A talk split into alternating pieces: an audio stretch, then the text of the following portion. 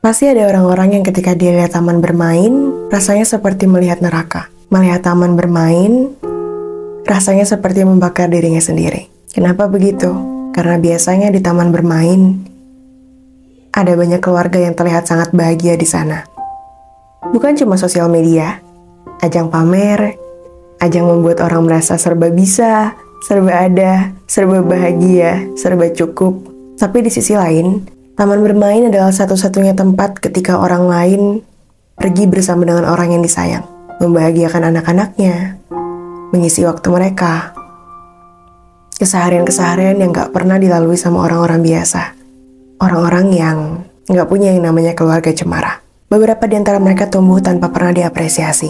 Ada anak-anak yang ketika mereka berkata, Ya, gak kayak gitu. Atau, Bu, gak kayak gitu. Mereka akan langsung dimarahi mereka dibuat bingung. Mereka nggak boleh berkomentar, komentar mereka salah, komentar mereka tidak didengarkan, sampai akhirnya mereka memilih, ya sudah, aku diam saja. Toh setiap kali aku berkata apa-apa, bapak dan ibu nggak pernah dengerin aku. Toh setiap kali aku mengungkapkan pendapatku, pendapatku nggak pernah didengerin.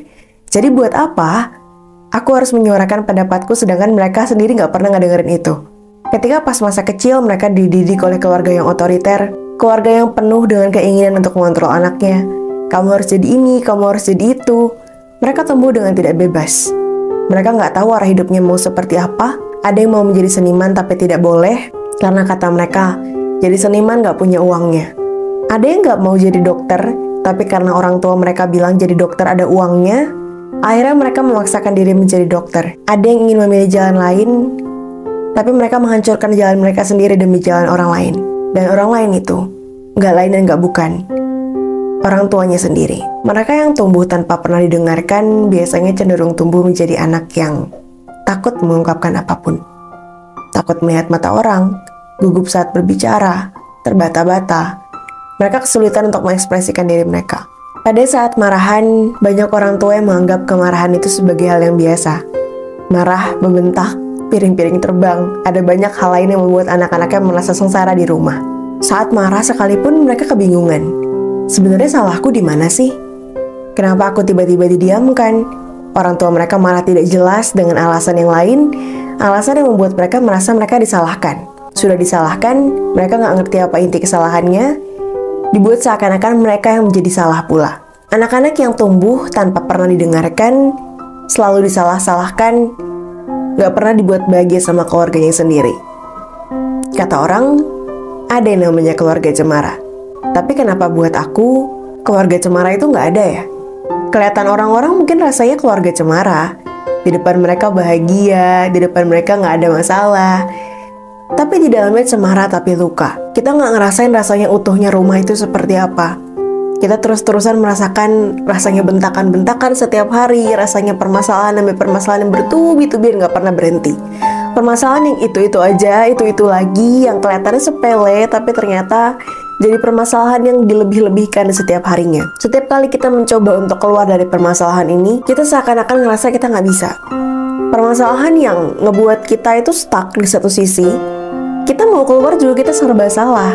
Kita sebagai anak di sini, kita sebagai anak, kalau kita keluar, orang tua kita akan dicap seperti apa? Bahkan beberapa di antara mereka yang udah bener-bener muak, mereka memilih untuk pergi dari rumah. Rumah yang seharusnya jadi tempat kita untuk pulang. Tapi di rumah itu, justru kita nggak pernah mendapatkan ketenangan yang kita mau. Di rumah itu, kita nggak pernah ngerasa kita punya rumah. Di rumah itu, kita ngerasa asing di rumah itu kita nggak pengen kembali. Rumah yang nggak pernah kamu pikirkan kenapa kamu bisa di dalamnya. Karena toh kita nggak pernah minta sama Tuhan, kita ingin dilahirkan di mana, dilahirkan di keluarga seperti apa, mau bagaimana kondisinya, orang tua yang bagaimana, kita nggak pernah bisa minta itu. Orang-orang yang tiba-tiba lahir di keluarga yang kaya raya, apa yang mereka hadapi mungkin akan berbeda dengan kita.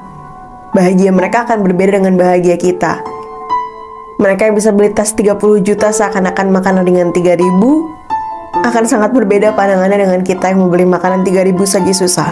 Saat kecil tumbuh dari rasa sakit, saat dewasa kita perlu semangat untuk menyembuhkan rasa sakit yang ada dalam diri kita. Berhari-hari kita melalui hari dengan rasa maaf, rasa ikhlas, rasa syukur, sampai akhirnya kita rasanya kayak muak sendiri. Kenapa sih lagi-lagi setiap hari gue harus minta maaf? Kenapa lagi-lagi gue harus bersyukur? Kenapa gue lagi-lagi harus merasa cukup? Padahal hidup tuh jahat banget loh sama kita. Kita ngerasanya kayak gitu. Ini hidup jahat banget. Udah sejahat ini, kita masih disuruh bersyukur. Sampai kadang-kadang kita nggak habis pikir. Ini harus ya, kita ngejalanin hidup yang seperti ini. Kapan sih waktunya kita pulang? Kadang aku pernah bertanya kayak gitu. Tuhan, kapan ya waktunya aku buat balik? Tuhan gak mau jemput sekarang. Pengen pulang Tuhan. Tapi kata mereka, aku gak boleh pulang dulu kalau aku gak dijemput. Makanya aku tunggu sampai sekarang. Kapan ya waktunya akan pulang? Kapan ya waktunya aku akan dijemput? Kalaupun ingin duluan, nanti aku gak bisa ketemu Tuhan. Jadi buat apa perjuangan aku selama ini di bumi? Tumbuh dari rasa sakit mengajarkan aku bagaimana rasanya menjadi orang yang lebih kuat. Tumbuh dari kekhawatiran, setiap hari kita bangun dengan pikiran, hari ini makan apa ya? Cukup nggak ya hari ini?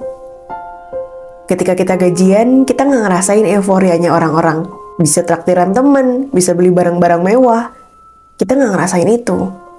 Kita justru mikirin, nanti ke depannya bakalan gimana ya?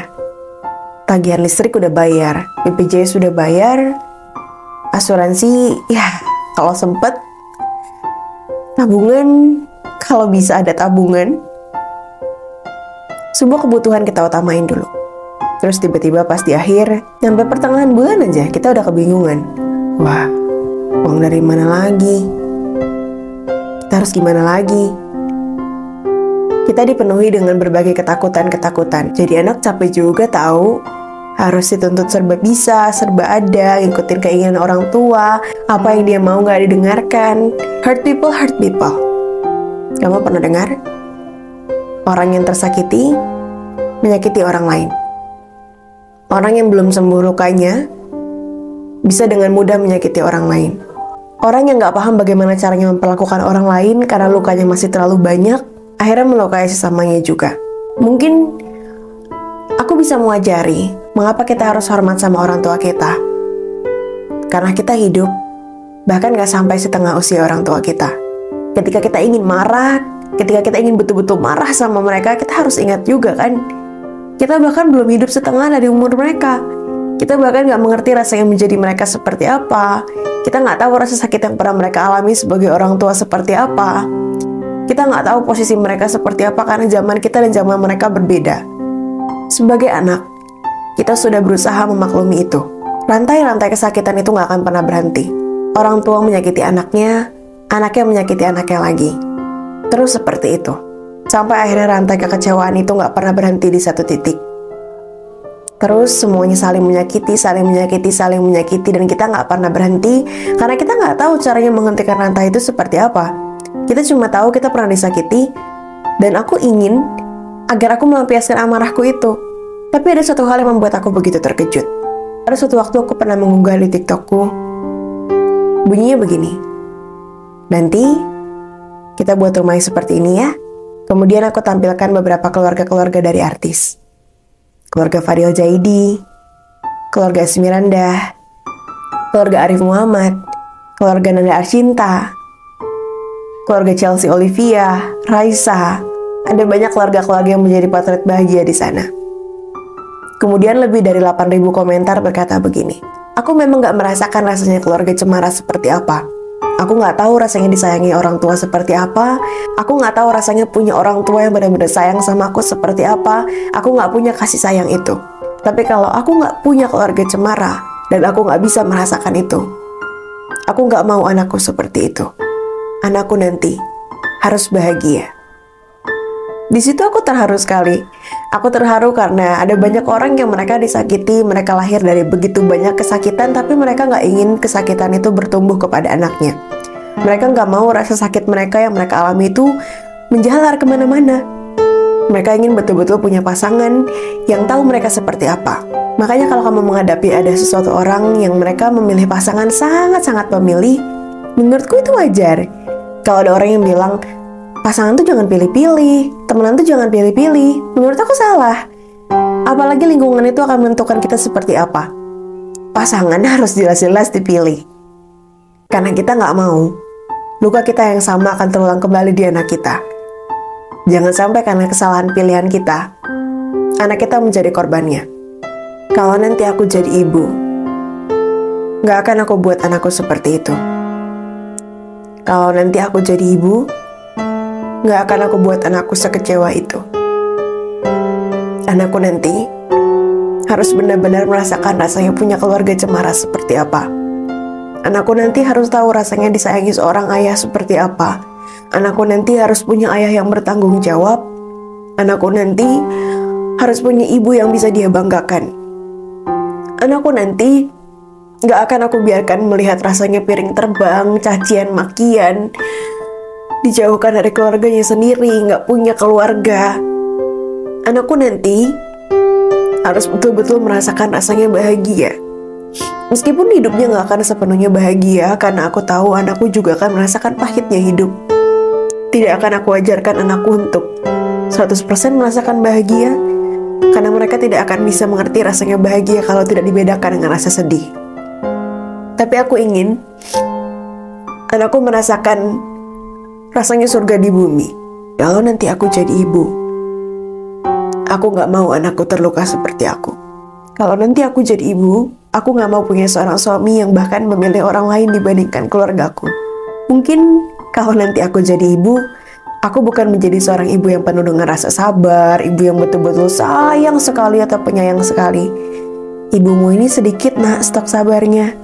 Mungkin kesabaran ibu setipis tisu, tapi percayalah, semarah-marahnya aku padamu, tidak akan aku katakan hal-hal yang membuat kamu merasa sakit hati. Seperti ibunya salah lahirin kamu. Dulu ibu pernah dengar itu sendiri dari telinga ibu. Tapi ibu gak mau kamu mendengarkan itu dari mulut ibu. Kalau nanti aku jadi ibu, mungkin permintaan maafku ini tidak akan sampai kepada tanganmu. Tapi percayalah, kalau nanti aku jadi ibu, rasa sayangku padamu ada begitu banyak nak. Yang tidak bisa terucapkan kata. Yang begitu banyak jumlahnya dan dalam setiap untayan doaku, aku akan membuat anakku merasa bahagia.